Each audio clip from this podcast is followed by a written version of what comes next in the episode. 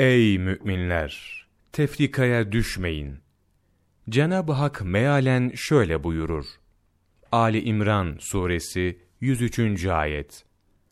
Ve Allah'ın dinini ve ahkamını beyan eden Kur'an-ı Kerim'e toplu olarak yapışın ve dağılmayın.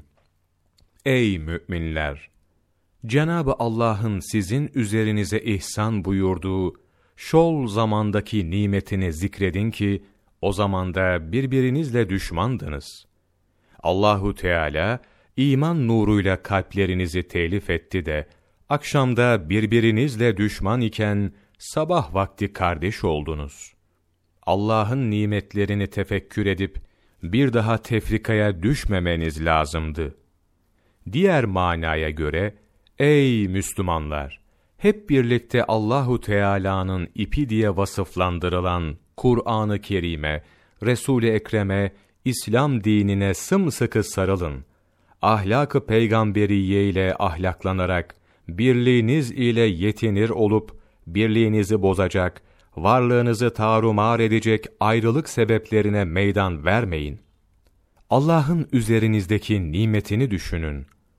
Hani siz birbirinizin düşmanlarıydınız.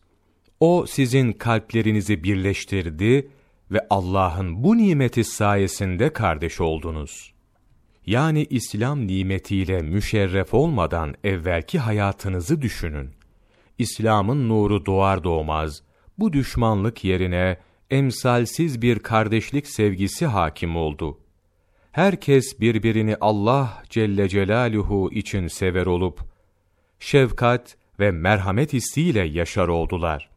İşte bu ayet-i celile tefsirinde beyan olduğu üzere, Evs ve Hazreç kabileleri bir ana ve baba evladından oldukları halde, uzun zaman sonra çoğaldıklarında, aralarında buz ve adavet, yani nefret ve düşmanlık artıp, böylece aralarında kanlı muharebeler olmuştur. Cenab-ı Hak, nur İslam ile aralarındaki buzu adaveti muhabbete çevirdi. Bu mealde daha pek çok ayeti celileler vardır. Fatih Gençlik Vakfı YouTube sayfasındaki Sami Efendi Kuddisesi Ruhu Hazretlerinin kendi seslerinden Sohbetleri isimli sohbetin çözümlenmesidir. 15 Ocak Mevlana takvimi